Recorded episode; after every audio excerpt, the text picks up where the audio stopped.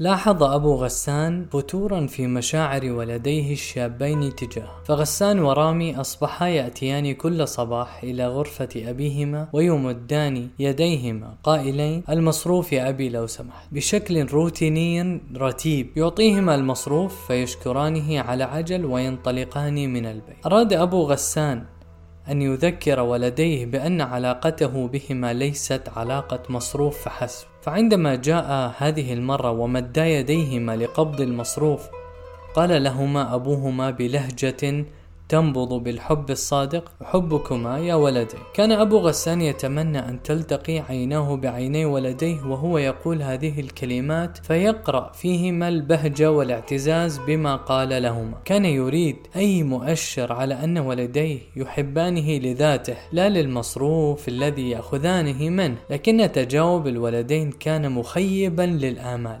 هزا رأسهما قائلين في شرود ذهن. ونحن كذلك. أي نحن كذلك نحبه وبقيا مادين يديهما وأنظارهما مثبتة على جيب والدهما ففيه المصروف. صدم الأب وانقلبت ابتسامته ذبولا وأخرج يده من جيبه دون المحفظة. انتبه الولدان لما حصل وأدركا عدم لباقتهما في التجاوب مع كلمات أبيهما الرقيقة قبضا يدهما وأنزلاها. حاولا تدارك الموقف. أما رامي فقال أبي أنا آسف طبعا أنا أحبك. أنت أبي الذي رعيتني وأنفقت علي ولا غنى لي عنك. كان رامي يقول هذه الكلمات وذهنه في المصروف. يتوقع أن يمد والده يده في جيبه ويعطيه المصروف لكن الأب لم يفعل وبقي صامتا فقال رامي أبي رجاء أنا أحتاج المصروف. أعدك أن أكون أكثر لباقة لكن لا تحرمني من المصروف. لم يتجاوب الأب فتضايق رامي وخرج مغضبا من الغرفة. وأما غسان فقد هز الموقف كيانه وهو يحب أباه بالفعل. لكن قلبه كان قد ذهل عن هذه المحبة بتعلقه بالمصروف في الفترة الماضية. ملامح الأب الذابلة العابسة أيقظت مشاعر غسان. فأدرك كم كان مقصرا في حق أبيه في الفترة الأخيرة. أدرك أنه كان أنانيا لا يفكر كثيرا في شعور أبيه ولا يجتهد في إدخال البهجة إلى قلبه. غرار وقت عينا غسان بدموع حارة وقال بصوت متهدج آسف يا أبي آسف يا أبي الحبيب لقد غفلت عنك كثيرا. سامحني أرجوك. الدنيا كلها لا تساوي ابتسامة منك. قال هذه الكلمات وهو يقلب عينيه الدامعتين في وجه أبيه باحثا عن أية بادرة انفراج لعبوسه. لكن الأب بقي عابسا صامتا. وخرج من غرفته وجلس على الأريكة لا يتكلم. لحقه غسان وتحرك حول أبيه كالقط فتارة يقبل يديه وتارة يقبل رأسه وتارة يمسك بيدي والده ودموعه منهمرة على خديه وهو يقول سامحني يا أبي أرجوك أنا أحبك تعلم أني أحبك. تنازعت الأب مشاعر متباينة فهو لا يحب رؤية ولده. كثيرا بهذا الشكل لكنه ما زال مصدوما من جفاء ولديه في أول الأمر كما أنه يريد مزيدا من الضمانات لصدق محبة غسان. انسحب الأب وعاد إلى غرفته بصمت وأغلق الباب وراءه. أحس غسان بالضياع فلحقه وقال من وراء الباب مناديا أبي أرجوك لا أطيق الحياة دون رضاك. لا أستطيع العيش وأنا أراك غضبان حزينا. لقد أخطأت يا أبي لكني أحبك. أحبك يا أبي أرجوك. سامحني. أرجوك ابتسم في وجهي. أرجوك ضمني إلى صدرك. وتعالى صوت بكاء غسان كطفل فزع. تركته أمه في صحراء وتولت عنه. حينئذ انهار سد الجفاء في قلب الأب أمام دموع غسان. فتح الباب. ورفع ولده الذي كان جاثيا على ركبتيه وضمه إلى صدره وجعل يمسح دموعه ويقبل رأسه. استمر بكاء غسان لكنه الآن بكاء فرحة وحنين أشبع.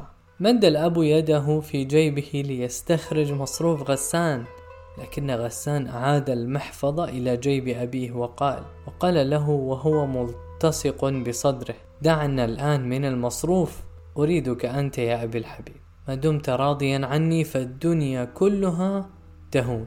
ولله المثل الأعلى. قد يعلم الله تعالى من عباده جفافا في محبتهم له. وتعلقا بنعيم الدنيا الذي يمنحهم إياه. هو تعالى يتودد إلى عباده ويحب منهم أن يبادلوه الود ودا. فإذا رأى منهم جفاء وغفلة قطع عنهم نعمة من النعم ليهز كيانهم ويوقظهم من غفلتهم. لعلهم ينتبهون إلى حقيقة أن النعمة ألهتهم عن المنعم. أما فقير المشاعر كرامي الأخ الآخر.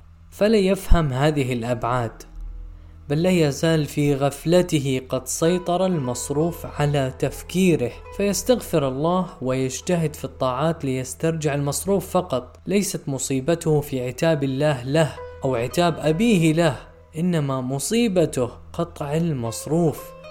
بلادة في التفكير قصور في النظرة فقر في المشاعر.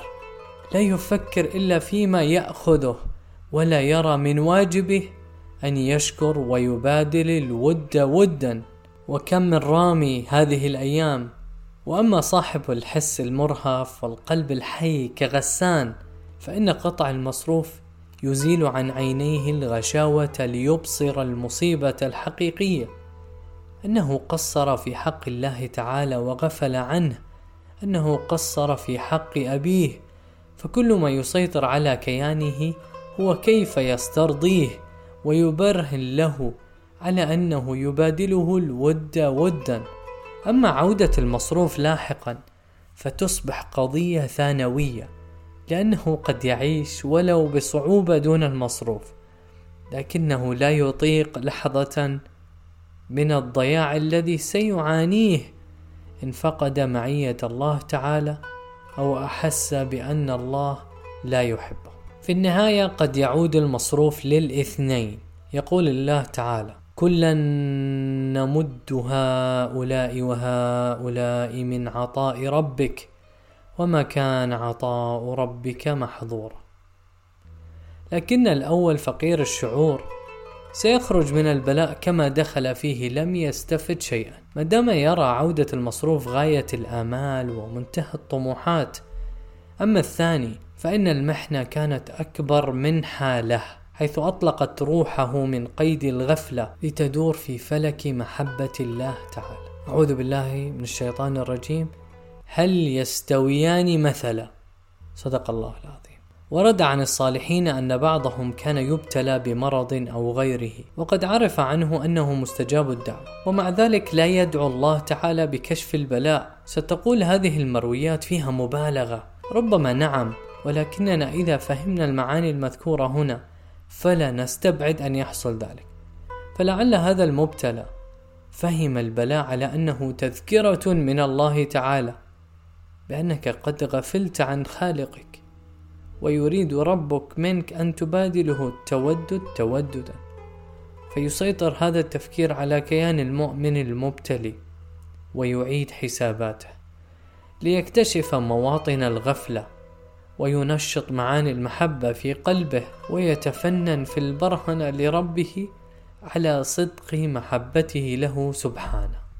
مثل هذا التفكير لا يبعد أن يشغل المؤمن عن الدعاء بكشف البلاء، بل قد يرى إعطاء الأولوية للدعاء بكشف البلاء سوء أدب، لأنه يدل على عدم اعتناء بالسبب الذي من أجله ابتلي ولأنه يعلم أن استمرار البلاء أدعى لرده إلى دائرة محبة الله وهو ينشغل بإعمار قلبه بمعاني المحبة من جديد ويكل أمر توقيت رفع البلاء إلى الله. ويوقن بحكمته في ذلك ورحمته. أرأيت بعد ذلك لماذا الله يتودد إلينا بالبلاء؟ ألم ترى أن نبينا صلى الله عليه وسلم قال وإن الله إذا أحب قوما ابتلاه فانظر إلى الابتلاء بإيجابية لا على أنه عقوبة محضة بل هو بشكل من الأشكال تودد من الله. رأى منا غفلة عنه وجفافا في عاطفتنا اتجاهه. فابتلى لنراجع أنفسنا. فنستحي فنحب ونتودد لله رب العالمين.